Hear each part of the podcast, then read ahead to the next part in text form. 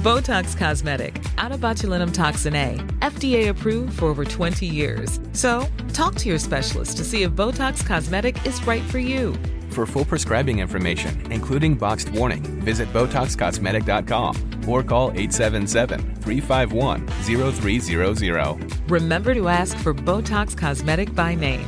To see for yourself and learn more, visit BotoxCosmetic.com. That's BotoxCosmetic.com.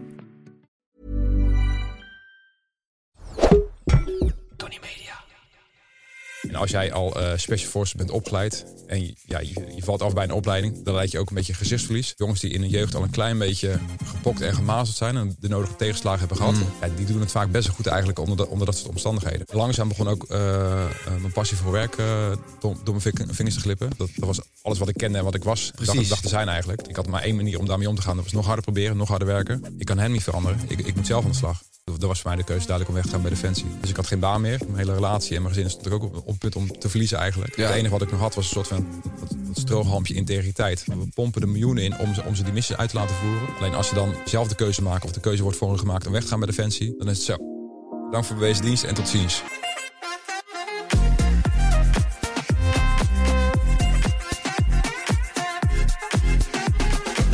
Welkom bij Even Relativeren, de podcast. En deze keer zit tegenover mij niemand minder dan Sander Aarts. Ja, Sander, wij hebben elkaar natuurlijk leren kennen op een hele bijzondere plek. Ja. Ehm, ja, daar, daar wil ik van alles over zeggen, maar dat kan niet. Nee. Want eh, ja, Special Forces VIPS, dat is de, het programma waar wij elkaar hebben leren kennen. Ja. In Slovenië opgenomen. Eh, dat programma gaat nu eh, online op Videoland of is al online. Kijk even naar productie. Wanneer zenden we dit uit? Volgende week, denk ik. Of over twee weken. Nou, maakt niet uit. Voor, jullie- voor jullie, als jullie dit luisteren, dat, het is in ieder geval op Videoland. Ja. Maar we kunnen natuurlijk niks zeggen over eh, wat er allemaal in het programma gebeurt. En hoe onze band daar is. Hè? Ja. Dat laten we allemaal gewoon in het midden. Ja. Maar eh, bijzonder om jou hier in, eh, in deze setting te zien. Zonder, zonder uniform en, en met een glimlach ook. Ja, ook nog eens. Ja, hoe, ik, hoe is dat voor jou? nou ja, ik het wel. Op een gegeven moment twijfelde je wel van, kunnen die man ook lachen? Oh, echt ja?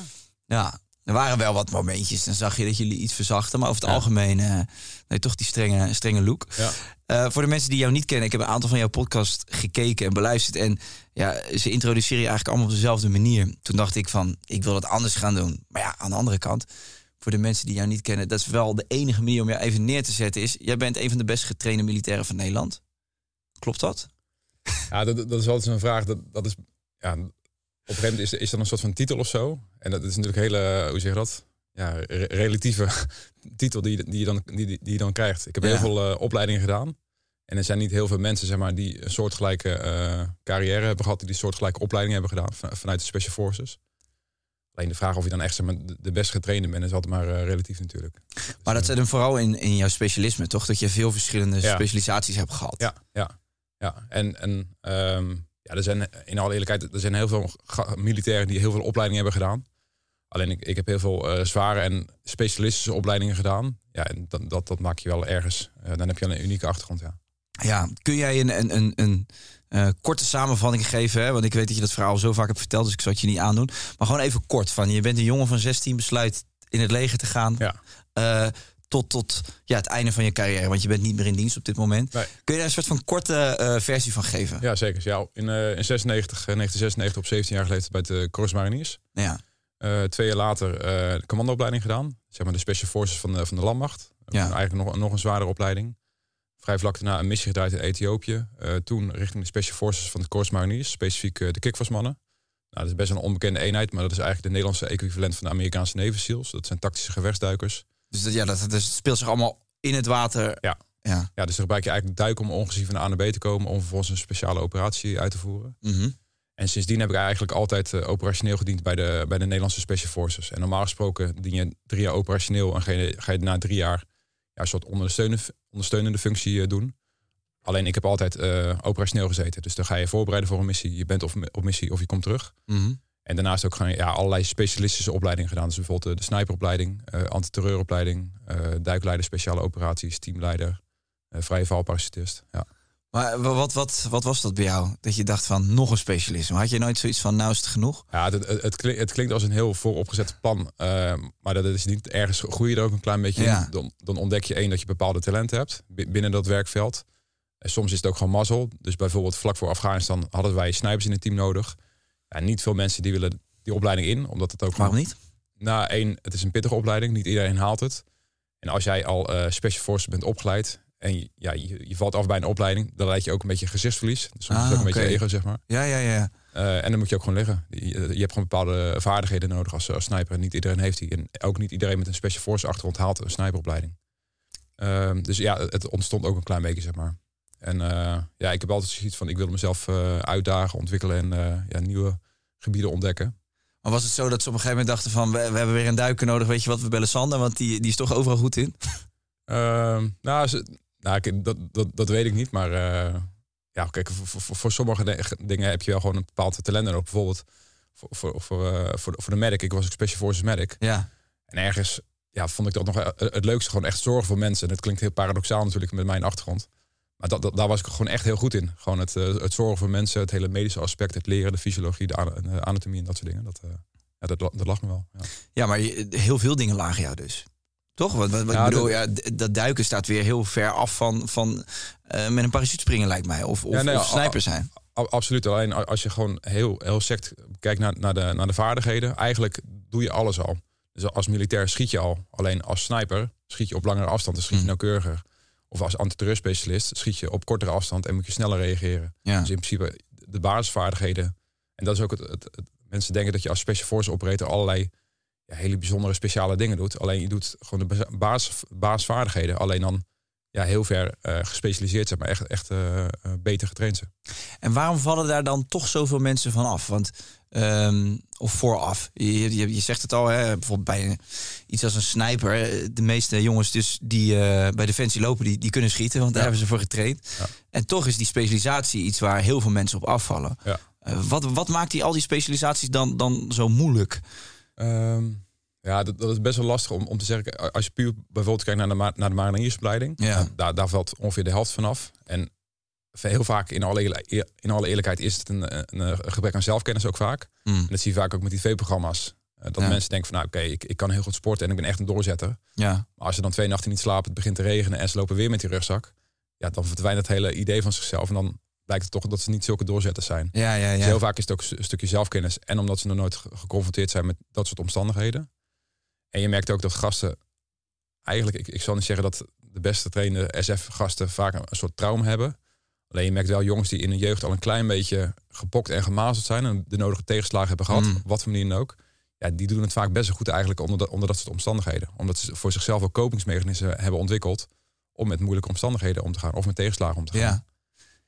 Het, is ook moeilijk, denk ik, om, eh, of praktisch onmogelijk om van, van de buitenkant te zeggen van dat wordt er een. Toch? Eh, Een special Nee, force nee, operator. a- a- a- absoluut. En eh, dat- is ook.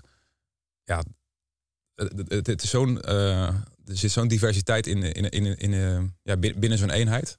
Mm. Dus ja, je hebt hele extroverte mensen. Ik ben zelf heel introvert. Je hebt gasten met een grote baard, een hele dikke spierballen en grote tatoeages. Nou, je hebt gewoon gasten die, die, dat, niet, die dat niet hebben. Je hebt donkere mensen. Je hebt ja, Ja. Eigenlijk, eigenlijk wel van alles. Ja. Als je, eh, ik bedoel, iedereen weet van de buitenkant vast wel dat eh, überhaupt bij het leger gaan. En zeker bij eh, als je special forces operator wil worden, dat je fysiek heel erg sterk moet zijn. Ja. Maar het mentale aspect weegt nog zwaarder, denk ik. ja, veel zwaarder. Veel zwaarder. Ja, ja. Ja. In hoeverre is dat, is dat te trainen en in hoeverre is dat iets wat je gewoon moet hebben als mens? Ehm, ja, dat- er is al ongetwijfeld een gedeelte wat, wat, wat je gewoon bijdraagt in je, in je DNA of vanuit je, vanuit je jeugd of zo, of vanuit misschien vorige levens, geen, geen idee. Ehm, maar daarnaast is, is een heel groot gedeelte is ook wel echt gewoon trainbaar. Hmm. Met name als je dat be- bewust doet. En daar kun je zeg maar, de fysieke training kun je gebruiken om ook het mentale stuk, eh, stuk te, te trainen. En dan valt alles, valt en staat alles vaak heel vaak met, met, je, met je eigen bewustzijn. Over je eigen gedachteprocessen, over, over, je, over je emoties, over hoe je omgaat met, eh, met moeilijke omstandigheden, hoe je fysiek reageert. Dus dat is absoluut wel, wel trainbaar. En dat denken heel veel mensen dat je ook een soort van ja, extreme triatleet moet zijn of ergens een soort van spot, sportgod om eh, bij zo'n eenheid te komen. Ja. Maar niets is minder waar. Dus want je, je hebt daar, daar binnen zo'n binnen zo'n opleiding heb je vaak ook een bepaalde opbouw. Dus als jij bijvoorbeeld de mariniersopleiding gaat, ja, dan aan het eind heb je een totaal ander fysiek profiel dan aan het begin. Dus daar zit ook gewoon een opbouw eh, in. Ja, precies. Eh, alleen je moet wel doorzetten. Ja. Ja, zeker. En, en, en eh, wat, wat je vooral volgens mij tegenkomt op basis van wat ik heb meegemaakt uh, door mee te doen aan het programma, is dit is gewoon een enorme weerstand. Als je normaal gesproken in een uh, situatie uh, zit in je dagelijkse leven waar je eigenlijk toch omringd wordt door comfort. Ja, dat, ja. Je komt er ook pas achter hoeveel comfort je hebt Bizar, hè? Ja, ja. als je dit doet. Ehm, waar je dus helemaal niet bewust van bent. En dan zie je dat je, dat je, dat je lijf, maar ook vooral je mind, dus zoveel signalen geeft van doe maar niet, het is niet prettig, dit vinden we niet leuk, weet je wel. Maar als je daar doorheen kunt prikken, dan zit er dus zo'n enorme stretch in. Ja. En dat is wel, dat is wel heel bijzonder. En uh, ik, heb, ik, ik vind die spiritualiteit uh, vind ik heel interessant, omdat je daar heel erg leert. Um, ja, hoe kun je je, je gedachten onder controle krijgen, angsten ja. overwinnen, dat soort dingen. En dat komt eigenlijk best wel veel terug Ja. uh, bij jullie werk. En dat had ik van tevoren misschien niet zo verwacht. Ik had veel meer verwacht dat het heel hard was van ja, gewoon doen en beuken en Ja, pam, pam, pam. Um, hè, maar ik heb, ja, ik ben daar wel van op teruggekomen. Ik vond Ja. het wel mooi. Toen dacht ik, oh ja, jeetje, dit lijkt wel heel erg eigenlijk op dingen die je ook in het dagelijks leven kunt toepassen. Absoluut, Met, uh, ja. Je gedachten onder controle krijgen, angsten overwinnen. Ja. Want eh, welke weerstand merkte jij bij jezelf dan aan het begin? Ja, gewoon het, ja, dat, dat, dat comfort gewoon. Ja. Uh, wat, ik- wat ik het lastigste vond, zonder al te veel te verklappen, is uh, dat, dat we constant nat waren. Ja, Natte ja. kleding, Ja, ja. koude handen. Dat, dat vond ik zo moeilijk op een gegeven moment. Daar heb ik echt, dat ging echt in mijn kop zitten. En dat vond ik heel erg lastig om dat uit te schakelen. Ja. En uh, dus eigenlijk gewoon, ik, ik verlangde het meest naar iets heel simpels. En dat was gewoon even lekker een warme douche. Ja, ja. Ja, dat is er dus niet. En, en daar kan je dus, dat kan heel erg in je hoofd gaan zitten. ja natuurlijk. absoluut. Ja. Of je kan een manier vinden om, daar, uh, om dat uit te schakelen. En dat is wel. Luk, lukte dat? Nou ja, so op sommige, op sommige momenten wel. Maar ik vind het heel spannend om wat te zeggen. Want je misschien krijg je dan uh, maak je haakjes. Dus ik ga daar wel even weg. Ja. Hey Sander, um, wat ik heel tof vind aan, aan, uh, aan jullie werk, hè, of hetgeen wat je vroeger altijd gedaan hebt, is het avontuur wat het met zich meebrengt. Maar ook heel erg, um, ja, gewoon dat je jezelf, dat je een soort van 2.0 versie van jezelf kunt maken. Mhm. En uh, ik heb daar heel veel respect voor en uh, waardering voor. En uh, dat, dat kriebelt bij mij ook wel. Maar de andere kant is natuurlijk wel, kijk, ik heb nu meegedaan met iets dat fictief is. Ja. En jullie gaan echt naar die gebieden toe waarin je echt je leven op het spel zet. Ja. En dat vind ik nog wel heel erg moeilijk om, om me te kunnen voorstellen. Ja. Eigenlijk, ik kan me dat niet voorstellen. En zeker niet omdat de plekken waar je naartoe gaat, weet je wel, ja, wie's gevecht vecht je uit daar. Ja, ja. En ik ben wel heel erg benieuwd van, ja, dan, dan, dan hoor je van, oké, je gaat op missie, je gaat ergens naartoe. Had jij dan niet zoiets, ja, maar waar ga ik dan naartoe? En dat je daar allemaal vragen over wil stellen. En, en, en is het terecht dat we daar naartoe Ja, gaan? ja. Daar ben ik heel erg benieuwd naar. Ja, dat is een vraag die ik wel vaak krijg. Ja, uiteraard, maar om, je- om je vraag te beantwoorden. nou, ik denk in, in de kern is, dat, is het altijd je eigen strijd die je voert. Ja, Wa- Wat het verhaal daaromheen ook is. Eh, maar in alle eerlijkheid, in mijn specifieke geval, en ik denk dat het voor heel veel gasten geldt. Ja, je wilt eigenlijk, als je zo hard traint zeg maar, en zoveel opleidingen hebt gedaan en zoveel hebt opge- opgeofferd om bij zo'n eenheid te dienen, Mm, ja, dan wil je eigenlijk maar één ding en dat, dat is dat werk doen. ja, En het is niet dat je helemaal blind staat voor eh, dat je gewoon maar gaat en je, je kijkt echt wel wat je daar gaat doen en, en dat soort dingen. mm, Uh, maar ik heb altijd wel het gevoel gehad dat we daar echt uh, verschil konden maken op, op, op ons eigen niveau. ja, dus bijvoorbeeld om Afghanistan als voorbeeld te nemen. Kijk, als je echt op, op macroniveau gaat kijken van oké, wat zijn we hier in godsnaam allemaal aan het doen mm. op ge geopolitiek niveau. Ja, dan zul je ongetwijfeld ontzettend veel vragen krijgen. En ge geen antwoorden kunnen vinden. En ja, dan, dan kun je twijfels gaan, gaan krijgen. Omdat Ja. je gewoon op dat niveau niet, niet werkt en niet alle antwoorden weet. Maar als je, als je van jezelf weet, oké, als ik daar ga zoeken, dan komen die twijfels. En twijfels is in ons geval op de grond is, is let- letterlijk en figuurlijk dodelijk. ja. Alleen als je dan helemaal gaat inzoomen op microniveau, wat je daar daadwerkelijk in Afghanistan bijvoorbeeld het verschil kunt maken, mhm, ja, dan kun je wel daadwerkelijk het verschil maken. ja, Dus wij hebben bijvoorbeeld daar gewoon acties uitgevoerd waarvan we weten, oké, als we dit niet hadden gedaan, had het door bijvoorbeeld overloop, overlopen geweest door de Taliban, mhm, met alle gevolgen van dien. Dus dan op dat niveau maakt het absoluut het verschil. ja, En bijvoorbeeld in Afghanistan, of eh, eh, S- Somalië, ja, weer op macroniveau kun je je afvragen, hè, eh, maken we daar echt het verschil eh, in, de, in de strijd tegen piraterij? Alleen als ik dan zie dat wij bijvoorbeeld een, een schip ontzetten en eh, een groep van 16 eh, Iraanse mensen bevrijden, ja, dan weet ik wel op, de, op die dag, ondanks de risico's, hebben we echt wel het verschil Ja, ja, gemaakt ja. en, en hebben die mensen bevrijd. En dat weegt uiteindelijk het zwaarst. Altijd. Ja. En, en soms is het nog kleiner, is het gewoon de, keren links en rechts voor jou, om, om daarmee eh, eh, heel thuis te komen. Ja, je hebt een, eh, je hebt een gezin, hè? Ja. Kinderen? Ja. Hoeveel? Drie. Drie kinderen. Ja. Ja. dat is natuurlijk ook een vraag die je vaker gehad zou hebben. Maar je, ja, je gaat weer op missie, je vertrekt. Ehm, in de tijd dat je nog in dienst was, had je toen al kinderen? Ja. Ja. Ja. Hoe? Eh, Mag, mag je überhaupt thuis overleggen met je vrouw waar je naartoe gaat? Botox Cosmetic, out of botulinum toxin A, FDA approved for over 20 years. So, talk to your specialist to see if Botox Cosmetic is right for you. For full prescribing information, including boxed warning, visit BotoxCosmetic.com or call 877-351-0300. Remember to ask for Botox Cosmetic by name. To see for yourself and learn more, visit BotoxCosmetic.com. That's BotoxCosmetic.com. Ehm, ja, vaak wel. maar Niet, niet altijd. Ja. Dus eh, ik, ik heb ja, bijvoorbeeld Afghanistan. Dan weet ze echt wel dat je naar Afghanistan gaat. Ja.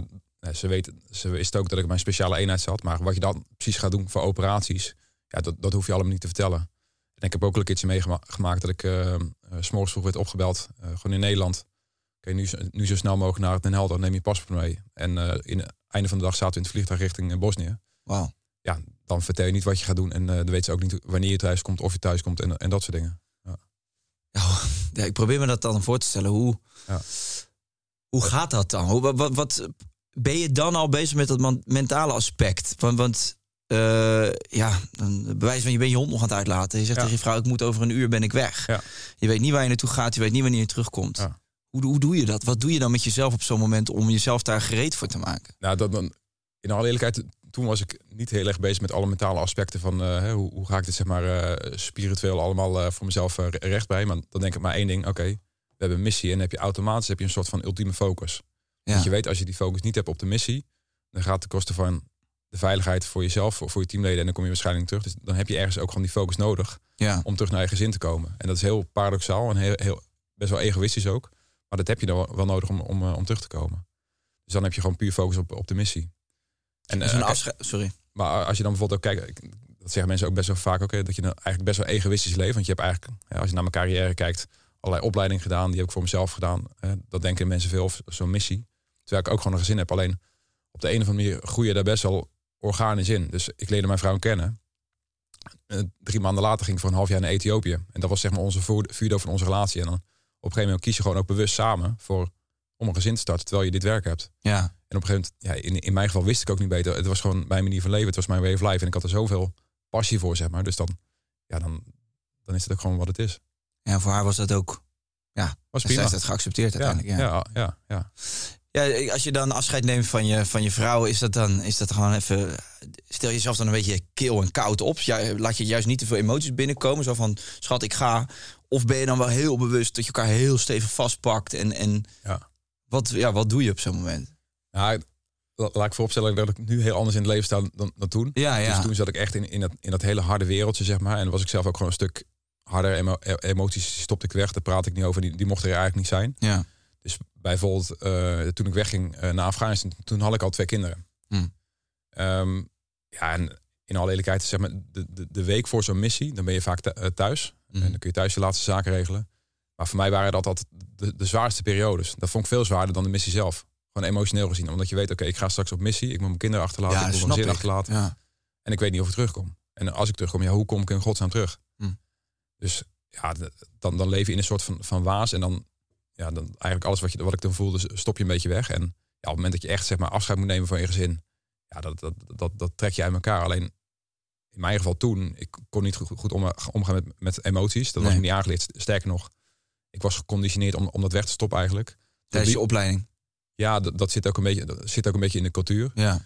Dus op dat moment ja, was het gewoon echt weer focus op de missie. En zo, zo- zo snel mogelijk weg eigenlijk. En gewoon eh, ja, als, als een pleister zo, zo snel mogelijk eraf trekken. Ja, ja, precies. En, en eh, ja, richting het vliegveld om, om, op eh, pad te gaan. Beetje nam, een soort van verdoofd bijna. Van we stoppen het weg, dan Ja. het mag gewoon vooral niet in de buurt komen. Ja, ja. Wauw, ja, dat lijkt me wel pittig. Je zegt, je zegt al van, hè, dat, was, dat was toen. Ja. Ehm, je bent inmiddels ook niet meer in dienst. Je hebt, ja, je, je, je, hebt, je hebt zoveel meegemaakt. eh, dat, dat mag duidelijk zijn. Heftige dingen ook. Ehm, ja, je zegt het al. Ik kon toen niet zo goed bij, bij mijn emoties. En eh, wat was het gevolg daarvan? Die emoties zijn er wel. Zeker. Ja, nou, uiteindelijk. eh, ik, ik kreeg een gezin, twee kinderen, later een, een, een derde kindje erbij. En eh, helemaal in die laatste periode van Defensie ging dat eigenlijk steeds moeilijker. eh, bij me thuis, met, met name met mijn zoontje, die bleek autisme te hebben. Oké. En ja, één, hij is heel intelligent, maar hij is ook heel gevoelig. Mm. Eh, dus eigenlijk alles, eh, alle energie, die pikt hij op. Dus ook gewoon mijn eh, energie en angst en spanning en, en dat soort dingen. Die waren heel voelbaar in huis. Nou, ik, ik weet niet of dat echt zo voelbaar was, maar ja, hij was gewoon heel ge- gevoelig. En in die periode ging het steeds moeilijker met hem. Dus woedeaanvallen en, en dat soort dingen. Dat, Ja. ja. hij zat gewoon in een hele, hele lastige fase. En wij, wij wisten god niet wat er aan de hand was. Nou, dat bleek op een gegeven moment autisme te zijn. En dat ging steeds moeilijker. Ehm, en toen kwam ik erachter van één, ik vond het steeds moeilijker om met hem om te gaan. Dus ik kon niet met zijn emoties omgaan. Met andere woorden, ik kon nog ineens met mijn eigen, Nee, nee, eigen emoties omgaan. Ja. En langzaam begon ook eh, eh, mijn passie voor werk eh, door, door mijn ving- vingers te glippen. En dat frustreerde me maatloos natuurlijk, want dat, dat was alles wat ik kende en wat ik was. Precies. Dacht, dacht te zijn eigenlijk. Dus, en dat frustreerde me maatloos. Dus ik had maar één manier om daarmee om te gaan. Dat was nog harder proberen, nog harder werken. Nou, dat werkte dus niet. Nee. Ehm, en op een gegeven moment, ehm, ja, lang verhaal kort. Ik, ehm, ik, ik, ik las een afscheidsbrief en die had ik eh, vlak voor Afghanistan eh, geschreven. Mocht ik daar komen te, te overlijden, was een brief voor, voor mijn kinderen. En zo, ja, ik had toen eigenlijk een soort van vluchtig die brief geschreven. eh, op mijn computer opgeslagen, voor mijn gezin achtergelaten. Mm. Nou, toen in de laatste periode van Defensie las ik, kwam ik die brief per toeval, als je daarin gelooft, kwam ik nog een keertje tegen. En toen begon ik mijzelf een soort met van de juiste vragen te stellen. Of ja, als ik daar in Afghanistan was komen te overlijden, of later tijdens een missie of weet ik wat, ja, was ik dan de vader die ik wilde zijn? Mm. En wat voor vader wil ik zijn? En wat voor man wil ik zijn? En als je nou echt je laatste adem uitblaast, ja, wat, wat is er dan echt belangrijk? En wie zijn er dan echt belangrijk? Ja. Ja, voor mij was het dan zo'n zo alsof er een pop met water uit mijn hoofd gehaald werd. Van, ja, wat is er dan belangrijk? Ja, één ding, onvoorwaardelijke liefde. En op dat moment was dat voor mij, er zat er heel veel voorwaardelijkheid tussen, tussen mij en mijn zoontje eigenlijk. Dus ik had er allerlei oordelen, meningen over en dat soort dingen. En toen wist ik van ja, ik kan hem niet veranderen. Ik, ik moet zelf aan de slag. Ja. En toen, ja, toen dat was voor mij de keuze duidelijk om weg te gaan bij Defensie. Om, om echt uit mijn eigen com- comfortzone te, stoppen, te stappen en eh, ja, gewoon met mezelf aan de slag te gaan. En wilde je al weg? Je wilde al weg bij Defensie, maar die brief die gaf je het laatste duwtje of? Nee, dat, Had je de keuze al gemaakt? Dat, dat was echt een trick. En uite- uiteindelijk, mijn zoon die gaf achteraf eh, onbewust de signalen. Mm. Van, hey, gast, kijk, kijk eens even naar jezelf. Ja. Ehm, die brief, dat was echt de trigger. Oké, eh, die, die knoop doorhakken. En ja, dat was voor mij ook de keuze om, eh, om, om weg te gaan. Maar ook daarnaast, onbewust wist ik ook wel dat ik klaar was bij Defensie. Ik had alles gedaan, alles meegemaakt. En eh, alleen ik hield, ik hield er krampachtig aan vast eigenlijk. ja. Hoe is je band nu met je zoontje? Ja, die- Zoon inmiddels. Zoon, ja, dat is Ja. gewoon een, een lange puber van, van 15. Dat is, Ja. eh, ja, in alle eerlijkheid, hij is mijn grootste, hij, ja, hij is een soort van spirituele mentor. Ja. Ja, ik noem hem altijd mijn sa- sarcastische shamaan. Ja. Dus als ik slecht in mijn vel zit, als ik ergens moeite mee heb, dan, dan zie ik het heel vaak in, eigenlijk ook in, in, in, eh, in zijn gedrag. En nu is onze band is gewoon eh, ja, hartstikke, hartstikke goed. Joh. Dat is echt, eh, Ja. ja, absoluut. Ja.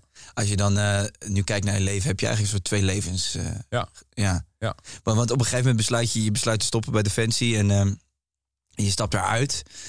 Maar Defensie was natuurlijk ook altijd, hè, dat, was, dat was je harnas. Dus, Ja. dus zolang je daarin doorging, dan bleef je wel op je benen staan. Ja, tot op zekere hoogte waarschijnlijk. Maar eh, vervolgens stap je eruit en al, al die emoties die, die je nooit de kans hebt gegeven om, om zich eh, aan je Ja. te tentoonstellen, die zijn er natuurlijk wel nog allemaal. Ja, ja. Hoe is het proces gegaan van je stapt uit Defensie en wat gebeurt er daarna met Sander? Ja, het- dat, dat is een beetje een, een, een lastig verhaal. Zeg maar. ik, het was niet dat ik heel bewust zeg maar, dat proces inging. Dus Nee? ik ging er eigenlijk op dezelfde manier mee om als ik, eh, als, alsof ik op missie ging. Dus ik, oké, ik, ga op, eh, ik ga weg bij Defensie. Ja. Ik ga een bedrijf starten. Dus ik had volledig gefocust op mijn bedrijf om dat eh, neer te zetten. Maar het hele proces van eigenlijk van de- de-identificatie, Mm. ja, dat had ik een klein beetje onderschat eigenlijk. Want wat er eigenlijk gebeurt is dat het hele verhaal Sander Aarts, militair Sander Aarts, Mhm. Die, die stierf eigenlijk een hele langzame dood. ja, ja, ja, ja, En, ik kan me dat wel voorstellen. Ja, dus eh, dat hele proces wat ik daarna in ging, eigenlijk een soort van transformatie. Dus eigenlijk steeds meer al die overtuigingen, al die stukje, stukjes, stukjes identiteit die ik mezelf had aangeleerd eigenlijk, ja, die, die, die verloor ik.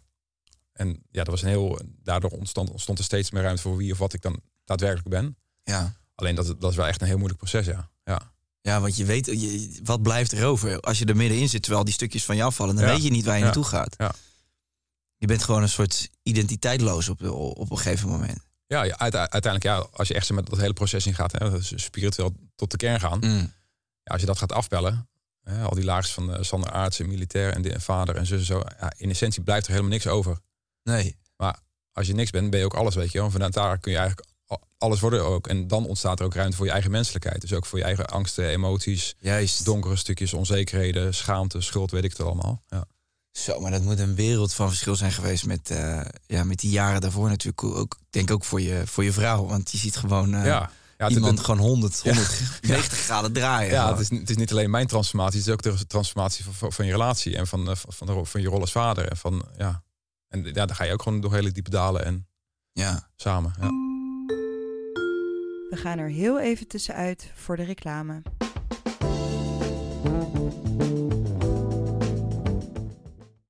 Vanaf 5 november wekelijks om 8 uur een nieuw, geweldig, romantisch programma op SBS 6. Namelijk Liedje op het Eerste Gezicht. En in dit romantische programma ontmoeten singles elkaar voor het eerst tijdens het zingen van een liefdesduet. Ze dragen zelf een liedje aan en achter iedere keuze schuilt een bijzonder verhaal. Beide singles starten met zingen en pas halverwege het duet volgt de review.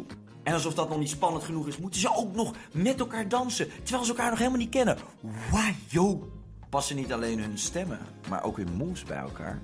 Is het liefde op het eerste gezicht? En dat is nog niet alles, want vrienden en familie kijken mee backstage en geven hun ongezouten mening. Je ziet het vanaf zaterdag 5 november wekelijks op SBS 6. Ja, als je het hebt over die dalen. Wat, wat, wat ben je allemaal tegengekomen tijdens die reis? Zo, Ja, heb je even. ik snap Nou, dat heel veel nou, is, bij- maar... bij- Bijvoorbeeld, een van de dingen waar ik, waar ik tegenaan heb in, in die, eh, dat hele proces van Defensie, eh, van, van het weggaan. Mm. Ja, eigenlijk heb ik dat een klein beetje verdoofd. Eén met eh, hard werken, door het focus op mijn bedrijf. Is het bedrijf wat je nu... zo, Unbreakable ja, Academy. Unbreakable. Academy. Komen we straks, maar... Ja. Dus dat, dat was eigenlijk mijn, focus. Enerzijds omdat ik natuurlijk gewoon, ja, ik had gewoon een hypotheek, het gezin en er moest gewoon rekening betaald worden. Dus Ja. ik, wilde, ik wilde dat bedrijf opbouwen. Maar ergens was het ook een heel, hele makkelijke vlucht. Want eigenlijk wat, je, wat ik doorging was een soort van rouwproces. Van het weggaan bij Defensie was eigenlijk een soort van rouwproces. Ja. Dus dat ene verdoofde ik dat met, eh, met hard werken. Maar eh, in mijn hele carrière is eh, integriteit een van mijn, van mijn, van persoonlijke waarden geweest. Ja. Ze hebben eens gezegd van de mariniers in ieder stadje een ander schatje. Weet je dat, dat verhaal. Dus mooie exotische plekken geweest. eh, veel drank. eh, gewoon sportieve gasten. Dus dan krijg je bepaalde verleidingen. mm. Maar voor mij is integriteit altijd super belangrijk geweest. En notabene in de periode dat ik wegga bij Defensie en kies voor mijn gezin, kom ik een andere dame tegen en ik verlies mezelf volledig in die, in die andere relatie. Mm. En ja, dus op het moment, ik was weg bij Defensie. Mijn bedrijf ehm, stond eigenlijk nog helemaal niet. Nee. Er was nog helemaal niks. Eh, dus ik had geen baan meer. Eh, mijn relatie, ik, ik, stond op het punt om me voor die andere dame te kiezen. Dus mijn, eigenlijk mijn hele relatie en mijn gezin stond ik ook op, op het punt om te verliezen eigenlijk Mhm. ja, op dat moment was ik in essentie gewoon echt, echt alles kwijt. Ja. Het enige wat ik nog had was een soort van dat, dat, dat strohalmpje integriteit. En dat, bij mij kwam toen een soort van besef, oké, ik, eh, ik, ik, één, ik moet het gewoon eh, eerlijk zijn tegen mijn vrouw. Dat ik verliefd was op iemand anders. Tenminste, ik dacht verliefd te zijn, maar was gewoon een halve psychose eigenlijk. Ja. En ja, dan zie je echt op, op, op, op het laagste punt van, ja, zeg maar een paar maanden daarvoor. Ja, ben je gewoon een succes, succesvolle militair en heb je alles eh, in de kan en kruiken en dat soort dingen. Een paar maanden later ja, heb je in essentie, denk je helemaal niks meer te hebben, Mm. weet je wel. En eh, ja, verlies je alles wat je denkt te zijn en denkt te hebben eigenlijk. En dan krijg je hele dankbare en nederige Lessen. l- lessen. Ja, absoluut. Ja. Ja. Je, je, moet- je, moet het leven ook gewoon echt die, die, die bak met modder, daar moet je gewoon echt flink met je gezicht ingeduwd worden Ja. af en toe om Ja. Weer een soort van op te krabbelen en jezelf opnieuw uit te Ja, vinden. ja en, en dat vind ik ook het mooie, een mooi proces, zeg maar, bijvoorbeeld met, met zo'n tv-programma, Ja. wat ik ook met mijn bedrijf doe. Ja, je, geeft mensen eigenlijk, ehm, ja, soms breng je ze eigenlijk even terug naar, naar de kern, waar, waar het echt om gaat. En eh, hoe, hoe lullig het ook is, dat, dat is vaak, op, op het laagste punt krijg je, de, hè, net, als, net als regenwater, verzamelt zich op het laagste punt.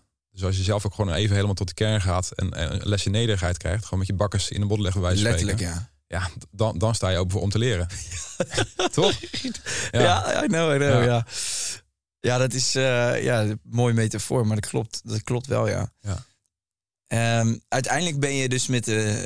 eh, je, je, je noemde die, die verliefdheid noemde je een halve psychose. Ik ga ervan uit dat dat in ieder geval dan. Hè, dat is niks geworden. Je bent Ja. uiteindelijk terug bij eh, je oude vrouw. Of, Ja, je- uiteindelijk. ehm, en ja, dan leer je ook gewoon echt de, de, de, de, echte kracht van mijn vrouw kennen. Want ja, heel veel mensen denken, hè, Sander met zijn stoere achtergrond is een sterke vent. Maar ja, de grootste kracht die stond eh, voor me. Of soms voor, achter me en soms, eh, Mm. soms na, meest naast me. Dat, dat was mijn vrouw. En toen zei ze ook van... Eh, ik, had, ik had opgebiecht dat ik uh, verliefd was. Uh, dat, dat, ik, dat ik een relatie had. En we hadden toen ook in die periode zelf ook een, een pleegkindje. En die kwam uit de vechtscheiding. Dus wij weten wat er gebeurt met kinderen die in een vechtscheiding zitten. En toen zei ze van ja, het maakt niet uit wat er gebeurt. Of als je voor haar kiest, dan gaan we gewoon schoon aan elkaar. En dan gaan we het in orde maken. En dan, nou, dan was dat het. Ja. Maar ja, als je, als je voor mij kiest, ja, dan moet je nu gewoon voor haar afkappen. En dan gaan we samen weer voor, voor, voor vechten eigenlijk. Mm. Nou, toen heb ik uiteindelijk uiteraard voor het, voor het laatste gekozen. En ja, samen ook weer terug naar de tekentafel. Want hoe je het went verkeerd door mijn carrière en gewoon eigenlijk door het leven kwamen we allebei op twee sporen. Ja, en kwam ik open te staan voor, uh, voor die verleiding, zeg maar. En, ja, kwam het uiteindelijk tot, tot, die, tot die situatie. Ja, vanaf daar zijn we weer gaan, uh, gaan bouwen eigenlijk. Je had het uiteindelijk wel nodig misschien om, om ja. weer te leren waarderen wat je, wat je had thuis. Ja. ja. En um, als je dan, je had het al even, je, tijdens je tijd in dienst ben je heel erg bezig met juist door, door, door. Niet naar die emoties toe, weet je wel. Eigenlijk bijna als een soort robot acteren, angsten uitschakelen, dat soort dingen. Ja. Vervolgens doe je dus het tegenover, het tegenovergestelde. Dat is een wereld die je niet kent en die, die Ja. onbekend is voor je. Waar ben je allemaal eh, terechtgekomen, weet je wel? Want eh, ja, wat, wat heb je allemaal opgezocht tijdens die tijd om je te helpen om, om, om Ja. daarin te groeien, zeg maar? Ehm, nou, ik, ik heb dat eerst ehm, eigenlijk ook wel een beetje, eh, ja, niet zozeer echt. Ik, ik, ik ben niet gelijk hulp gaan zoeken of zo. Ik ben niet gelijk helemaal gaan, gaan onderzoeken en eh, aan de slag gaan. Maar op een gegeven moment liep ik zelf tegen een aantal dingen aan. Ook door het, door het overlijden van een aantal collega's die door, door, door ziektes of door, door ongevallen. Mm. Door, ehm, ja, ook gewoon door het hele gebeuren met, eh, met mijn relatie. Ook door het gebeuren met, met, met mijn zoontje. Initieel zocht ik dat eh, zocht ik hulp bij, een- bij een psycholoog. Ja. Nou, dan, toen kreeg ik gelijk een soort van eh, stempel van PTSS Ja, voor de, voor de, voor de verzekering, zeg maar. Ja, uiteindelijk, dat bleek niet te hebben, maar, maar in- tijdens die gesprekken met de psycholoog, ja, bleef ik maar achteraf gezien mezelf verschuilen achter die zorg, zorgvuldig opgebouwde muur. ja, Dus ook na die, na die gesprekken bij psycholoog wist ik, oké, ik, ik moet gewoon een keer dwars door die muur en beuken eigenlijk, op, op wat voor manier ook. Nou, toen kwam ik ook meer op de, eh, ja, in het alternatieve circuit, dus bijvoorbeeld met, eh, met ayahuasca of met psychedelica. en Ja. Met, eh, met, met dat soort ceremonies. En ja, voor mij was dat echt wel ja, heel moeilijk, heel confronterend. Want je komt dan eigenlijk echt de- de donkere stukken tegen uiteraard. Maar zo'n zo'n verhelderend en zo'n ja, letterlijk geestverruimend. Maar ook, ja, wat eigenlijk mijn proces is gewoon letterlijk en vrolijk mijn hart openen. En steeds meer. En, en veel minder vanuit mijn hoofd en echt eh, vanuit mijn hart gaan leven. En de- ja, die processen helpen daarbij. ja. Ja. Waar heb je het gedaan, ayahuasca? Eh, gewoon in, in Nederland. In Nederland. Ja, ja. Ja, dat is, pff, ik, heb, eh, ik heb het zelf ook gedaan. Ja. Ik vond het echt al mega, mega heftig. Wa- waarom heb je het gedaan? Ehm, ik had niet een heel duidelijk doel of zo van tevoren. Ja. Eh, ik, ik, ik, wilde het, ik wilde het. Ik had er heel lang, nou niet per se een afkeer eh, voor, maar ik had wel altijd een, ik zat een soort angst op. Ja. Of niet een soort, zat gewoon angst op. Ja, ja. En ik dacht, ik had ook zoiets van, nee, dat moet je niet doen. En mijn vriendin wilde dat al veel langer doen. Toen zei ik, nee, joh, ik hoor allemaal gekke verhalen van mensen die erin blijven hangen. En eh, Ja. er zat gewoon een angst op. En, maar toch was ik heel nieuwsgierig. Ja, ja. Want ik heb me altijd mateloos gefascineerd voor alles wat onverklaarbaar is. En ik geloof gewoon, eh, ja, ik geloof gewoon niet in het aangeleerde verhaal. Zeg maar. Er is zoveel wat we niet zien en wat niet tastbaar is. Dus daar zit natuurlijk wel, me- ik vond het wel mega fascinerend. En alle verhalen die ik hoorde van mensen om me heen die het gedaan hadden. Eh, toen was er een week waarin ik er ineens heel veel over na moest denken. Ik zat allemaal podcasts te luisteren met alle- allerlei verhalen hierover. En toen kreeg ik in die week kreeg ik een mail van iemand die ik niet kende. En ik open mijn mail eigenlijk nooit, want mijn mailtjes komen binnen bij mijn management. Oh ja. En in dat mailtje stond Kai Ayahuasca. Dat was de titel. Ik denk, wat is dit nou weer? En er was een jongen die mij volgt op Instagram, die mij dus niet persoonlijk kende, maar gewoon een volger. En eh, ik kende hem ook niet. En die had het gedaan in Nederland. En die zei, ja, dat is een mega rare mail. Ik weet zelf ook niet zo goed waarom ik het stuur. Maar ja, ik moet het toch doen. Ik heb tijdens mijn ayahuasca-reis te horen gekregen... dat ik jou moet vertellen dat je er klaar voor bent. En in die week ja, had ik drie, vier podcasts over geluisterd. ja. Dus ik, ik zat met kippenvel op de bank.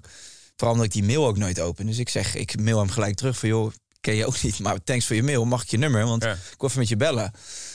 Dus heb ik gewoon een anderhalf uur met die gozer aan de telefoon gehangen. Dus die ik helemaal niet kende. Heel zijn verhaal eh, beluisterd. En eh, nou, toen vertelde hij dat. Toen zei ik, nou, thanks voor, eh, thanks voor, voor de heads-up. Ik ga er, ja, ik ga ermee aan de slag.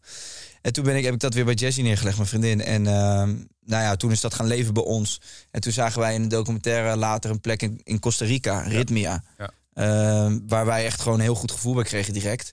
Toen zeiden we tegen elkaar, nou, als we het gaan doen, dan gaan we het daar doen. Ja. In die omgeving. Ehm, en ja, zo geschieden eigenlijk. En ik had dus van tevoren niet echt zo'n hele duidelijke intentie. Ik had ook echt zoiets van, ik laat het gewoon om me afkomen. Ja, ja. En bij Ritmia doe je het dus vier dagen achter elkaar. Iedere avond. Ja, iedere avond. En eh, de laatste avond doe je Ja Hey. Dat is de Colombiaanse, eh, ja, ze noemen dat grootmoeder ayahuasca. Dat is, ja, dat is, ja, dat is, ja, heftiger weet ik veel. Ja, dat soort termen. Ik weet niet of je dat echt kan gebruiken, Ja. maar dat, zeg maar die shamanen zeggen, dit is gewoon, eh, dit gaat er nog een stapje bovenop. Ja. En dat vond ik ook echt, was niet normaal. En ik heb vier avonden waren compleet verschillend, zeg maar. Ik heb alles gehad. Ja. Eh, vreugde en eh, gewoon heel eh, joyful. Gewoon het idee van wauw, weet je, de wereld is fantastisch, dit en dit. Ja. Alle, alle engste ooit. Een soort rebirth, waarin ik gewoon ergens in een soort van no man's land was, helemaal in mijn eentje. Alle helpers die er waren, die helpers van de shamanen, die waren veranderd in, in, in een soort avatar-achtige figuren. Ja. Die probeerden me wel te helpen, maar ik zat in een soort kokon. En ze konden niet bij me komen. Het was dood en dood eng. En één avond waarin ik alleen maar frustratie heb gevoeld. Wat is dit? Wat is dit? Gewoon niet kunnen begrijpen. En de laatste avond was eigenlijk een soort van was een cirkeltje rond. Toen kwam alles samen. Al die, die drie, de drie dingen die ik geleerd had ervoor, die kwamen een soort van samen bij die laatste avond. En toen had ik een soort van eh, mijn les gehad. Eh, wa- Wat was dan de les? ja, dat, ik, vind het nog, ik vind het nog steeds wel Ja, lastig. Ik vind het nog steeds wel lastig om dat uit te leggen. Ja. Omdat het bij mij wel, het is, het is een gevoel. En ik heb me, kijk ja, het is een beetje cliché en zeepig om te zeggen. Maar ik weet, ik, ik sta nog veel dichter denk ik in Ja. contact met mijn hart. En eh, eh, bij hetgeen, wa- hetgeen wat ik doe, de, de keuzes die ik maak, zijn denk ik nog bewuster geworden. Ja, precies. Ja. Met betrekking tot wat is goed voor mezelf en wat niet. En dat betekent niet dat ik nu als een soort non leef, verre van. Maar er is wel, er er verandert iets in je, wat je niet, je kan het niet echt duiden. Ehm, maar daarna, ik heb daarna ook, ik heb me in Costa Rica heel goed gevoeld. We zijn nog drie weken gaan reizen en eh, alles was Hosanna. En ik heb in Nederland, we- eh, of toen ik terug was op Ibiza, dus zeg in Europa en weer in het normale leven, heb ik nog wel een soort backlash gehad, denk ik, van... eh, Oh ja? ja, dat ik twee, wel twee maanden me gewoon niet, niet echt fijn heb gevoeld. En gewoon wel een beetje een soort van zoekend en zwevend. Ja, en ja. dat ik wel dacht, holy shit, er is wat een en ander door elkaar geschud. Ja. En ik moet even weer... Ja. En toen wilde ik ook even helemaal niks met spiritualiteit te maken hebben. Ja. Ik wilde gewoon alleen maar gewoon lekker... En toen ben ik eigenlijk gek gezegd. Ik ben toen gaan sporten. Want ik kreeg die voor, voor de mensenheld ging ik trainen. En ik wilde heel erg juist voelen dat ik leefde. En dan een beetje dat aardse. Ja. Dus trainen. En toen was ik ook blij dat dat Special Forces kwam. Want dat, heeft, dat had ik heel erg nodig. Om weer Ja. even hier te voelen van... Oh, dit is, eh, kijk, voor, voor de mensen ook thuis. Ik heb ooit een keer eh, in een podcast ook met Monica heb ik het gehad over ayahuasca. En toen zat ik in die fase zat ik nog redelijk in dat. eh, ja, dit moet iedereen gewoon doen. Maar ik ben wel. Die moeten echt heel goed over Ja. nadenken. Ik wil daar wel een enorm disclaimer bij zetten. Ja. Want het is echt geen. eh, het is echt niet even lekker een LSD'tje. eh, waar, je, waar je acht uurtjes later weer uit bent. En dat je dan weer. Het is echt veel meer dan dat. Ja, ja dat, dat, dat merk ik nu ook wel dat eh, enerzijds, hè, dat is wel een soort van tendens gaande dat steeds, vol- volgens mij vaker gebruikt en ingezet wordt. En, en ook steeds vaker besproken wordt. En ook in podcasts en dat soort dingen. En, en voor- bij mezelf merk ik ook een soort van terughoudendheid. Ik ben absoluut geen ambassadeur of adviseur van dit soort eh, middelen, weet je. Want wat je zegt, ja, het, het kan zo je hele wereldbeeld overhoop trekken. Ja, Ja, dat je gewoon, gewoon eigenlijk geen idee hebt als je weer terug, hier op aarde komt van wat je dan überhaupt moet doen, weet je. ja En als je- precies. als je dan dat niet goed integreert, nou, wat je zegt, dan kun je echt gewoon. eh, ja, ik zal niet zeggen, ik, ik weet niet of je erin kunt blijven hangen, maar dan, dan krijg je echt wel een, een, een donkere periode wat je, wat je tegemoet gaat. Ja. Ja. Je moet er wel echt, je moet er wel echt, je, je moet het gaan integreren in je leven. Ja, precies. En ook gewoon echt, echt goed begeleiden, weet je. En dat is ook wel hè, nu met steeds meer aanbieders en dat soort dingen. Het wordt een beetje allemaal van die, van die slappe aftrekkers van, Ja. van mensen die echt specialistische kennis hebben om dat goed en veilig te, te, te begeleiden, maar ook daarna te, te integreren. Ja, dat, het, ja, dat is best wel, eh, ja, dat kan best gevaarlijk zijn ook. Klopt. Ik merkte ook dat ik echt wel last had, eh, het moeilijk vond om erover te praten daarna. Dat ik in het begin vond ik het heel tof allemaal. en dat ik de, de, de, de weken daarna, maar omdat ik het ook voelde van, ik kan dat nou als nu iemand vraagt, ja, maar wat voel je dan? Ja. Ik weet niet hoe ik het moet uitleggen, maar ik voelde dat ik gewoon eh, niet meer helemaal, Ja. snap je? Eh, gewoon even de weg kwijt echt. Ja. Ja.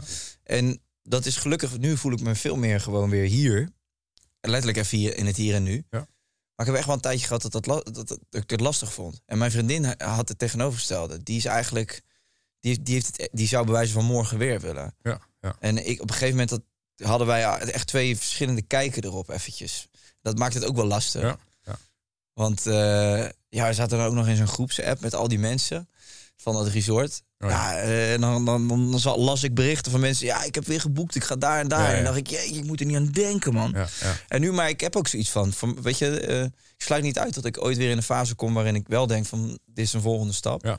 Maar voor nu, nee, ik heb, eh, ik heb het gedaan. Ik Ja. vond het heel interessant. Ja, eh, wat je dan soms ook wel ziet, is dat mensen zeg maar gewoon eigenlijk dat- gaan gebruiken als een soort van. eh, ja, dan krijgen ze bijna, een- bijna een soort van spiritueel ego. Alleen het gaat natuurlijk nooit om die ayahuasca-ceremonie. Het, ga- het gaat om die, die, die fase daarna, wat je ermee gaat doen Ja. en hoe het, hoe het gaat integreren. Ja. Want anders ja, dan wordt, wordt dat dan eigenlijk een soort van een, een volgend dingetje wat je alleen maar gaat gebruiken. Precies, maar ook Ja. bij, want zonder oordeel daar, zonder daar een oordeel aan te hangen, want iedereen moet het voor zichzelf be- beslissen. Maar ik, ik, ik sprak mensen die dat dan, en die zeiden, ja, ik ga voor mijn 150ste keer. Ja. Eh, Voor mij is dat persoonlijk denk ik van, ja, maar wat ga je dan halen Ja, daar nog ja. dan? Dan is het van, oké, ik heb een vraag. Weet je wat? Ik ga naar moeder ayahuasca. Ja, ja. Ja, dan, vind- dan, dan ga je volgens mij ook het voorbij. Maar goed, iedereen moet het eh, voor zichzelf eh, weten. Maar En ook. ik heb de afgelopen vijf jaar ja, be- best wel veel van dat, van dat soort eh, dingen gedaan. Zeg maar. En eigenlijk het enige wat bij mij iedere keer terugkwam, waar ik altijd op viel, in, in, mijn- in mijn donkerste stukjes, dat was mijn ademhaling. ja, ik ook. Ja, Maar daarom vond ik het zo interessant dat, nou ja, eh, in het programma Special Forces wordt ook wel eens gezegd, als je, dat kan ik wel zeggen, er, er is bij jullie een quote, angst is go. Ja. Eh, dat vind ik eigenlijk bij ayahuasca ook, Ja. want daar zie je angst ook en die moet je ook aankijken. En als je dat doet, dan kom je ergens op een punt dat je denkt, oké, chill. Ja. En dan voel je dat je er eh, wat mee doet. En ademhaling. Ja. En surrender. Ja. Maar dat, is, dat ademhaling is eigenlijk alles. Als je paniekaanval hebt, terug naar je ademhaling. Dan kom je er altijd uit. Ja. Maar als je het hebt over of dat nou eh, binnen een speciale operatie is of, of in, in de spiritu het, spirituele wereld, zeg maar. Het, het, het zijn een aantal fundamenten volgens mij waar je altijd op eh, terugvalt en waar, waar het om gaat. Eén is eh, overgave. Ja. Gewoon het, het, oor- het oordelen loslaten over wa- wat jij ziet. En als je dat durft en daarna durft te kijken, zeg maar, dan, dan, dan, ontstaat, er, dan ontstaat er ruimte. En met al die, ja, zeg maar, al die ceremonies die ik heb gedaan, was iedere keer mijn ademhaling, die kwam linksom of rechtsom of wat, wat van die kwam, iedere keer weer terug. En ik heb nu ja, best wel vaak doe ik van die ademhalingsworkshops of ademhalingsoefeningen. Nou, daar heb ik minstens net zulke diepe inzichten, eh, inzichten als, als met, eh, met ayahuasca of met andere, met andere middelen. Klopt. Dus eh, ja, we hebben het allemaal gewoon in ons eigen systeem. Ja, het is er al. Ja, ja. Bij, bij, bij, Rhythmia hebben ze ook twee, twee van de... Je hebt dus vier ceremonies en twee avonden zijn echt volle bak, dus ademhaling Oh ja. oefeningen. Ja. En je hebt mensen dan, ja, die hebben dan, ze noemen dat de doorbraak. Maar die hebben, krijgen hun doorbraak niet tijdens ceremonies. Maar die krijgen hem dan wel tijdens die ademhalingssessie. ja. En je kan daar natuurlijk ook, maak je ook gewoon DMT aan als je... Ja, als je ik, ik had toevallig ja, een tijdje geleden had ik een ademhalingsworkshop gedaan. En op de een of andere manier was ik altijd eh, met, die, met die ceremonies, met, met psychedelische middelen, was ik altijd een soort van, van bang voor, voor, voor mijn eigen boosheid en voor mijn eigen woede. ja? Dus afgelopen jaar heb ik eh, ja, zo, zo controle en waakzaamheid, waakzaamheid is, een, is een dingetje voor mij. Ja. Altijd ja, mijn eigen controle, mezelf onder controle houden, maar, ook onder de moeilijkste omstandigheden. Dus- en ook waakzaam zijn. Dus eigenlijk afgelopen jaar al mijn emo- emoties en angsten en onzekerheden heb ik onderzocht. Alleen met mijn boosheid, dat ik altijd ja, als ik die aanraak tijdens een ceremonie, dan ja, ik ben, ik ben zelf getraind, ben fysiek ben ik wel gewoon in orde, weet je. Dus als ik echt helemaal los ga, geen idee wat er allemaal gebeurt. Mm. Maar die kwam laatst, kwam hij met een ademhalingssessie, kwam hij, kwam, kwam boven. Ja, kwam hij eigenlijk vo- voorbij. En het was gewoon zo fijn om, om mijn eigen boosheid er gewoon een keertje helemaal te, te voelen. Ja. Er was, kwam een soort van gif kwam er los of zo. Dat is echt, eh, echt bizar.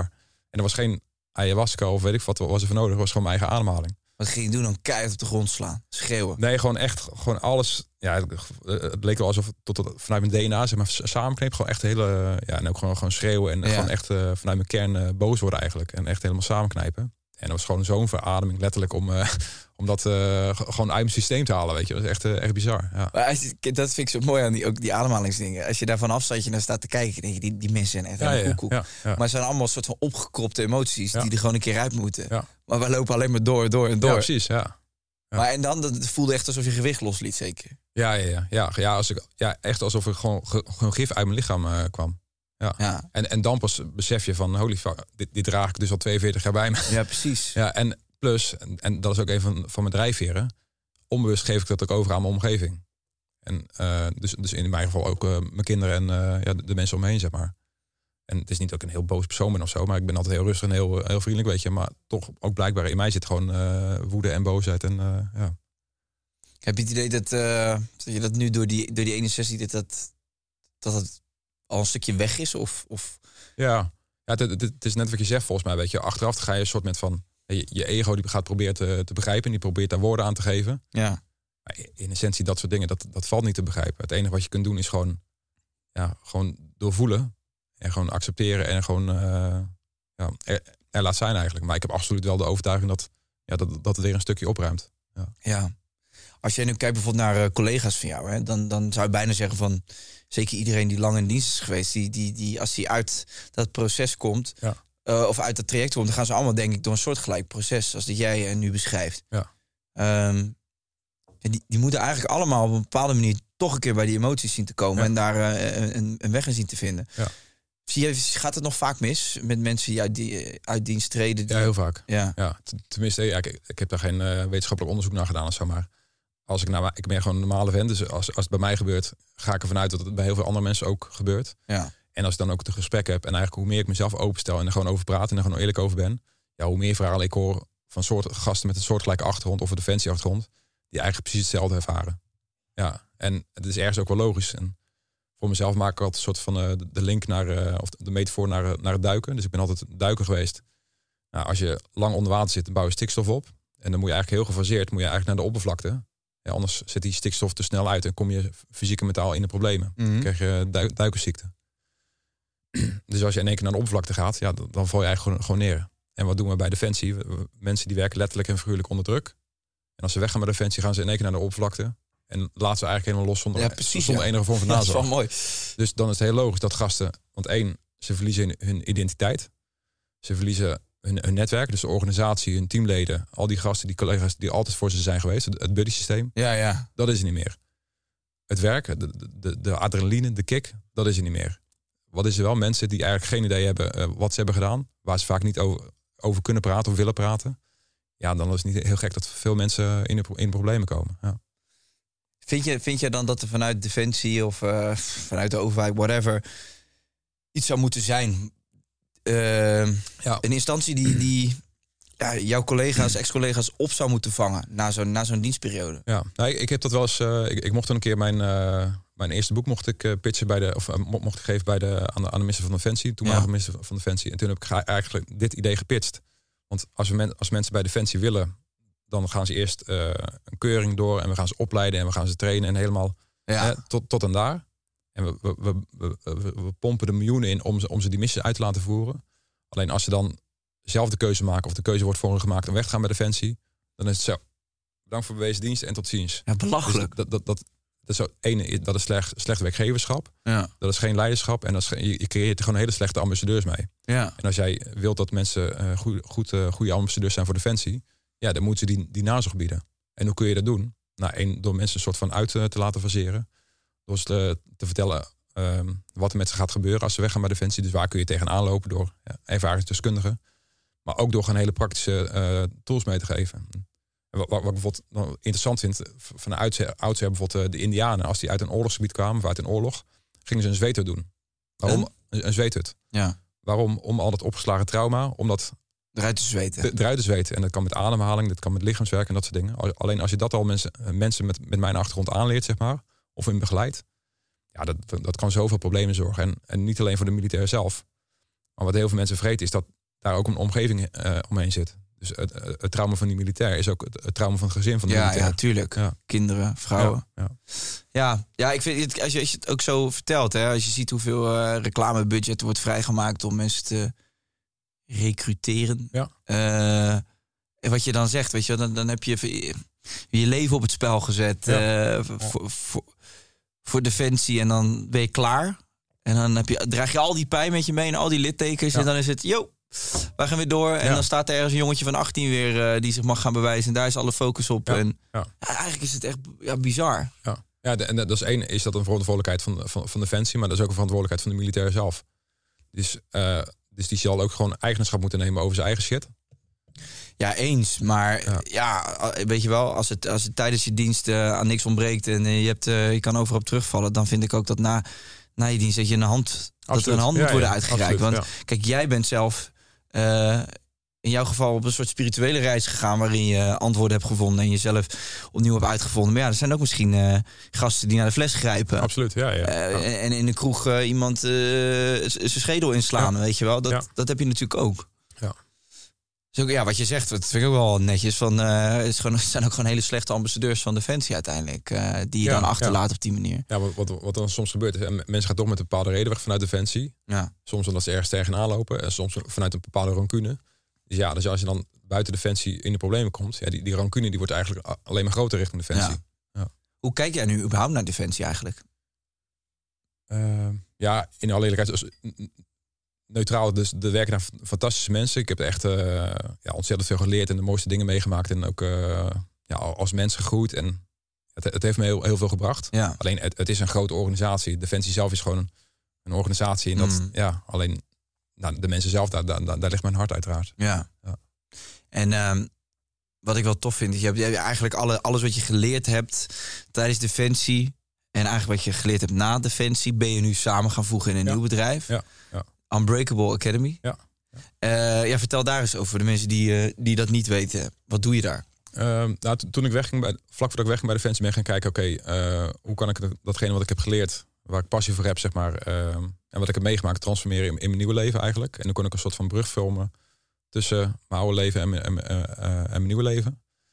Nou, ik leerde altijd meest onder de moeilijkste omstandigheden. En toen zag ik altijd bijvoorbeeld in zijn opleiding als gasten ehm, niet goed om konden gaan met de omstandigheden. Bijvoorbeeld in, in, in de kickforcemanopleiding of de commandoopleiding kregen ze altijd een soort van standaard patroon. Dus één kregen ze een soort, soort van tunnelvisie. Ze zagen de probleem of de oplossing voor een probleem links en rechts niet meer. Omdat ze gewoon die, tunnelvisie hadden door de extreme drukken, door de extreme omstandigheden. Vaak was de volgende stap dat ze, dat ze uit, zichzelf uit het team plaatsten. En de volgende stap was vaak dat ze de opleiding niet, niet haalden. En op macroniveau zag ik iets soortgelijks ook gewoon binnen de maatschappij. Dus eh, ja, snel veranderende maatschappij. Eh, allerlei uitdagingen. Mensen krijgen stress, tunnelvisie. eh, ja, geen oog meer voor de, ander, links en rechts. Dus de verbinding met zichzelf eh, verliezen ze. Verbinding met, met de ander verliezen ze. Mhm. Met als gevolg dat ze in, de- in de meest extreme gevallen ook buiten de maatschappij gezet worden of, of, of, of geplaatst worden. Dus ik wilde eigenlijk mensen ja, daar beter in begeleiden. Eigenlijk mensen in de, in de, in de kern weerbaarder maken. op, op allerlei manieren. En de mensen ook laten ervaren. Want dat heb ik ook wel geleerd. Ja, dat je zoveel sterker bent dan je zelf denkt. Ja, En dat, dat denken is vaak het probleem. Dus de mensen moeten gewoon ervaren hoe, hoe sterk en weerbaar ze eigenlijk wel niet zijn. maar daar zit ook gelijk van. de- Kijk, voor mij begon een beetje van. eh, ik, eh, ik weet dat ik. Ja, zeg maar de kracht van manifestatie. Ja. Dat vond ik het leukste in het begin. Weet Ja. je wel, toen ik wat jonger was, dacht ik van. Wauw, kijk, die documentaire The Secret, weet je wel. En dan begin je te denken, oh wauw, als ik maar positief denk, dan wordt het ook positief. En ik, voor mijn gevoel had ik, toen ik vrij jong was, eigenlijk onbewust, deed ik al aan manifesteren. Maar ik had dat een hele, Ja. eh, hoe zeg je dat? Een hele fantasierijke visualisatie van hoe het leven zou gaan Ja. voltrekken. En ik denk dat doordat ik daar altijd in geloofde en dat ook voelde, dat ik dat ook naar me toe heb getrokken. Ja. Eh, maar, daar, dus, maar dat stukje manifesteren zit hem daar ook weer in. Want ehm, jij zegt van hè, mensen denken van ik kan het niet. Ja, dat was ook zo grappig, weet je. Dat komt natuurlijk ook eens bij Spe- Special Forces dadelijk weer heel vaker. Iemand zegt van, ik kan niet meer. Ja, Ja. dat denk je. Ja, eh, moet je al kotsen dan? Of eh, val je al flauw? Ja. En daar, is- vanaf het moment dat je denkt, ik kan niet meer, tot, tot, tot nou echt niet meer kunnen, daar zit nog zo'n fucking lange weg. ja, ja. En dat vind ik ook zo bizar, dat, dat, dat dus je gedachte echt in staat is om jouw leven op dat moment te maken of eh, te kraken. Absoluut, ja. ja. En, en dat, is, dat, is, dat is zo paradoxaal en zo lastig te, te, doorbreken. Want eigenlijk je hele leven word je soort van geconditioneerd. Dat, dat alles valt en staat met, met het denken. Dat dat, dat onze, onze grootste kracht is. Ja, Maar het is tegelijkertijd misschien onze grootste valkuil eigenlijk. Echt, Want als we, als we daar voorbij komen, voorbij de denken, daar ligt vaak de magie. Ja, want daarvoor, eh, ook met zo'n programma, al die weerstand die aan het begin, dat is alleen maar, alleen maar denken, dat is alleen maar de, de mind, zeg maar. Alleen als je die overgave hebt en daar voorbij komt, ja, daar vind je de verbinding. En daar, daar vind, je, vind je vaak zo'n ja, zo'n zo'n potentiële kracht, zeg maar. Dat is echt eh, fascinerend. En, en dat is ook, zeg maar, waar we mensen meenemen in onze trainingen bijvoorbeeld. Dus mijn eerste pakketpaaltje buiten Defensie was een 12 uur programma. Dus dan beginnen we s'avonds om 6 uur tot de volgende, volgende ochtend, ochtend 6 uur. In principe, als je vijf kilometer achter elkaar kunt hardlopen, dan, dan haal je dat. Alleen na een uur denkt iedereen, ja, dit kan niet. Dit, dit kan gewoon niet. Dit kan gewoon, dit, ga ik niet 12 uur volhouden.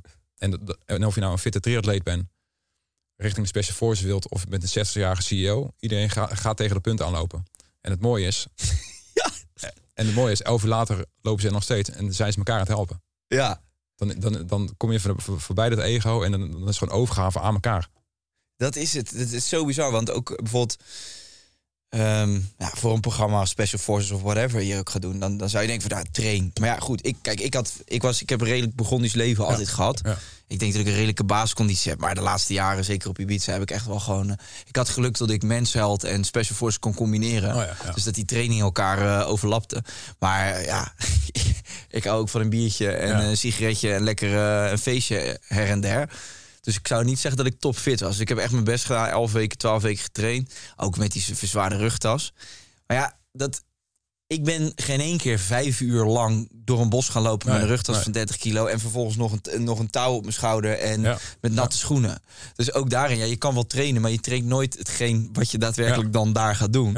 En toch haal je dat allemaal. Absoluut. En, en en het mooie is, op een gegeven moment kom je allemaal richting zo'n bepaald ja, breekpunt. En bij de ene is dat fysiek, omdat hij misschien fysiek wat minder is. Bij de Ja. ander is dat mentaal, omdat hij ja, niet om kan gaan met, eh, met eh, het onverwachte of al- de tijdsdruk en dat soort dingen. Bij de ander is de angsten, de emoties. Dus iedereen komt op een gegeven moment gewoon in zo'n proces ja, op een bepaald breekpunt. Ja, En wat wordt er dan gebroken? Ja, het ego. ja. Ja. ja precies. Het ego, ja, die kom je vrij snel tegen. Ja. En toch omdat het nu, ik denk dat veel mensen ook kijken die, die Special Forces kijken. Het is mega populair. Vorig jaar was het eerste seizoen. Ja. Ik vond het echt fantastisch om te kijken. Eh, eh, je ziet het ook aan andere programma's, hè, Kamp van Koningsbrug en zo. Ja. Trekt ook veel kijkers. Dus daar, daar is gewoon behoefte naar. Om vanaf de bank te kijken, Ja, vooral met, met paprika chips. Maar even gewoon, hoe, voor mensen die zeggen van ja, maar dat is allemaal tv. Hoe zwaar, jij hebt het allemaal meegemaakt. jij, kijkt, eh, jij kijkt naar Special Force wat wij hebben gedaan. Ja. Het programma, zeg maar, wat jullie, wat jullie daarvoor schoten, dat programma. Hoe, Ja. hoe heftig is het, zeg maar, ten opzichte van wat de echte Special Forces bij wijze van zouden moeten doen? Ehm, nou, kijk, er is, groot, er is echt een verschil tussen een Special Forces selectie of opleiding en, en een kamp van Koningsbrugge of Special Forces VIPs. Ja. Uiteindelijk gasten die zich bijvoorbeeld voor een masteropleiding eh opgeven. Ja, Ja, dat zijn zwaar getrainde mariniers. Die zijn vaak al vijf, zes jaar marinier. En die trainen twee jaar om bij de Marshof te komen. En dan nog steeds haalt drie kwart het niet, zeg ja maar. bizar. Ja. Dat zegt al zoveel. Dus dat, dat kunnen we eh, deelnemers, bekende Nederlands, of eh, die kunnen we niet aandoen, want dan vallen er misschien wel gewonden, gewonden of doden inderdaad. Maar als je kijkt naar de intensiteit en hetgene hoe, hoe we jullie kunnen belasten binnen, binnen de tijd, dat tijdsbestek, dan zoeken we 100% gewoon echt de grens op. ja. En sterker nog, als, we, als wij beperkt zouden worden door, door de producent of door de regie van jullie moeten ze sparen omdat het bekende Nederland, zijn of om mensen te behouden of dat soort dingen, ja, dan doen wij het niet. Omdat wij gewoon voor onszelf een bepaalde standaard hebben en wij hebben bepaalde eh, normen en waarden vanuit onze eenheid, zeg maar. En, ja, als, als ik zeg maar voor ons eigen hè, Bas, Erik en Mitchell eh, spreek, ja.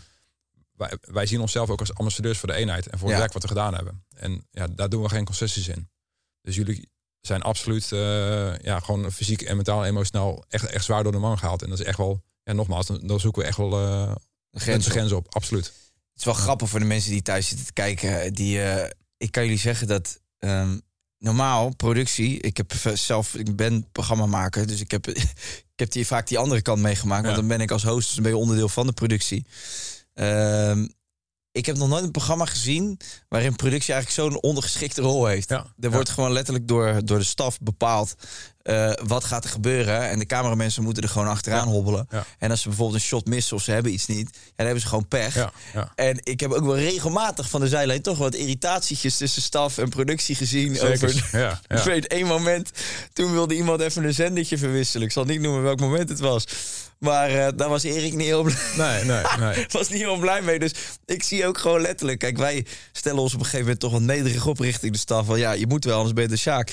En, eh, maar ook gewoon het productie, zeg maar, de televisiemensen, de cameramensen, die ook. Ja, ja. Dus dat die hele sfeer is er. Er is ook geen sfeer van, oh, we zijn een televisieprogrammaatje aan het maken. Nee, nee. Sterker nog, ik kende de hele productie. Want het zijn mensen met wie ik Temptation maken, Expeditie heb gemaakt. Ik heb ze in een week lang... We, we, we keken elkaar niet eens aan bewijzen van. Als ik ze aankeek, dan deden ze al zo van. Omdat ze bang waren van, nou, daar ik zeg die gedag. Ja, ja. Je wordt zo lijp in een bubbel gehouden daar. Ja, ja. Dat was en, en ook, dat, denken ook veel mensen, weet je, dat, dat sommige takes overnieuw gaan of zo, weet je. Of als je niks. Of als de camera stopt, dat jullie dan gewoon eh, naar je kamer gaan en een beetje ontspannen. En ja, wij, voor ons, juist om, gewoon echt die unieke tv te maken ook, zeg maar. En om bepaalde ja, doorbraken ook bij, de- bij de deelnemers eh, te forceren eigenlijk. Ja, dan moet eigenlijk gewoon constant die druk op wat voor manier moet, moet ook gewoon blijven. En dan moeten jullie constant een klein beetje afgepeld worden op wat, manier, wat voor manier dan ook. Dus als jullie, als je daar wel aan toegeven, dus als jullie wel meer rust krijgen of slaap of allerlei comfort, zeg maar. Ja, dan, dan gaat het ten koste van dat proces eigenlijk. Ja, ja, Ja. Nee, er zit gewoon geen enkel eh, Nee. moment van rust Nee, in. nee, nee. Ja, nee, dat... eh, ja, nou goed. Whatever. Ga lekker kijken, zou ik zeggen. Het is... eh, het, is ja, het wordt een bijzonder seizoen, denk ik. absoluut. Ja. Hey, eh, hoe was het om eh, überhaupt... eh, je hebt inmiddels wel wat podcasts en zo gedaan, maar... Ja. Ja. jullie komen uit, die- uit, die, uit die wereld eh, van Defensie. En dan wordt er gevraagd... Van, volgens mij is Erik ooit benaderd? Is het daarmee begonnen, Special Forces? Heeft Ja. hij toen een team samengesteld? Of hoe ging dat? Nou, eigenlijk eh Erik en ik samen een beetje. Oké. Ja, ja. En Heb je, want kende je de Amerikaanse en Engelse versie? ja. Ja, sowieso de... Met Ann Middleton is dat toch? Ja, zoals eh SES Who Dares Wins. Ja. Dat, dat is het originele format.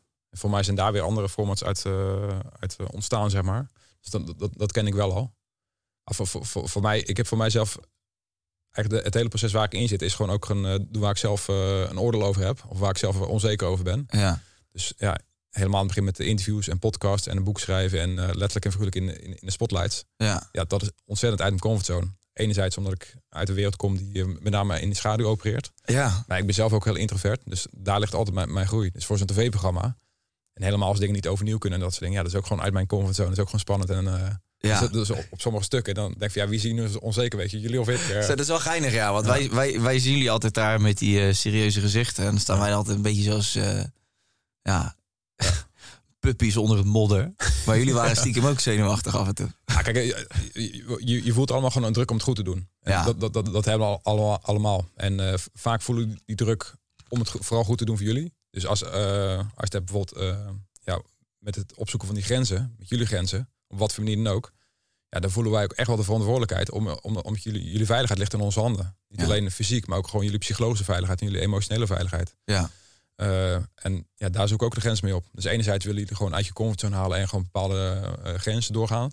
Maar we willen jullie ook niet beschadigen. Op wat Nee. manier dan ook, weet je. En dat dat is een heel dun lijntje en dat vraagt heel veel... Kom je nu mee? Ja.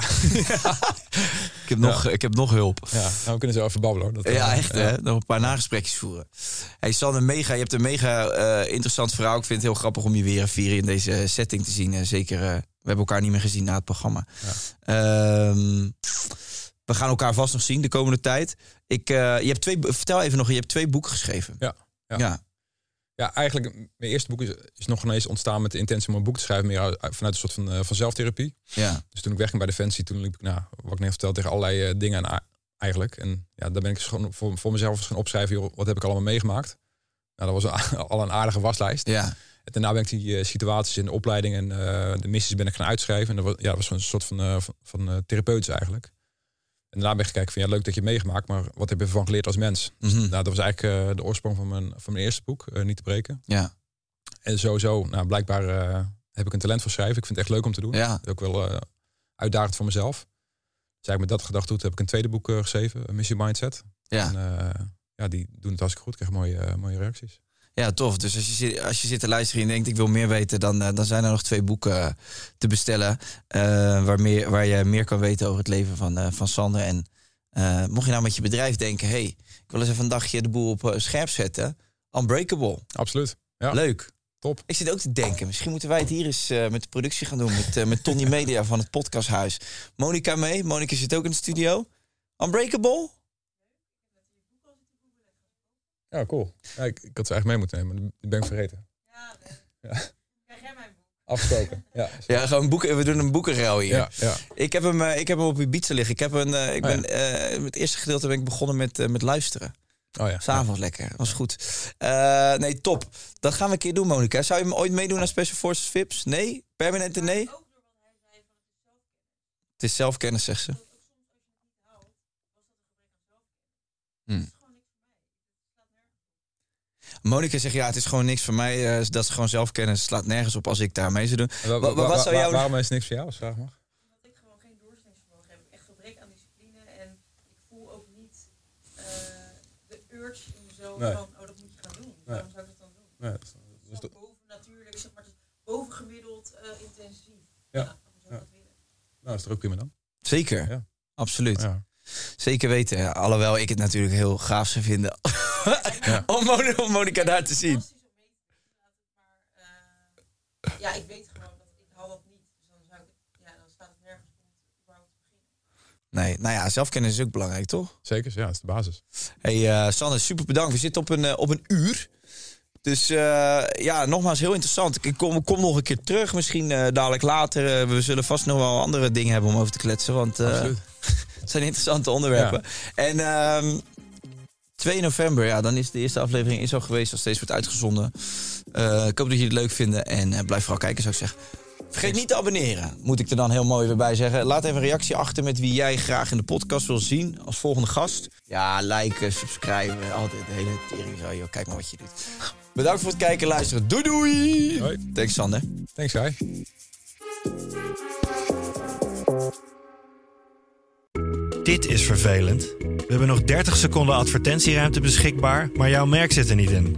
Wil jij deze ruimte beter benutten en staan waar voorheen HelloFresh of Samsung stonden? Mail dan naar adverteren@tonymedia.nl. Botox Cosmetic, out of botulinum toxin A, FDA approved for over 20 years. So, talk to your specialist to see if Botox Cosmetic is right for you. For full prescribing information, including boxed warning, visit BotoxCosmetic.com or call 877-351-0300. Remember to ask for Botox Cosmetic by name. To see for yourself and learn more, visit BotoxCosmetic.com. That's BotoxCosmetic.com.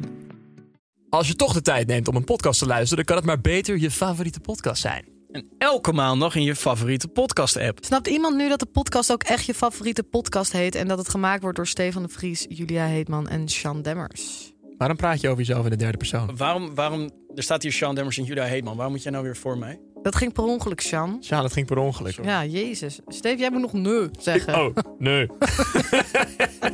Je, je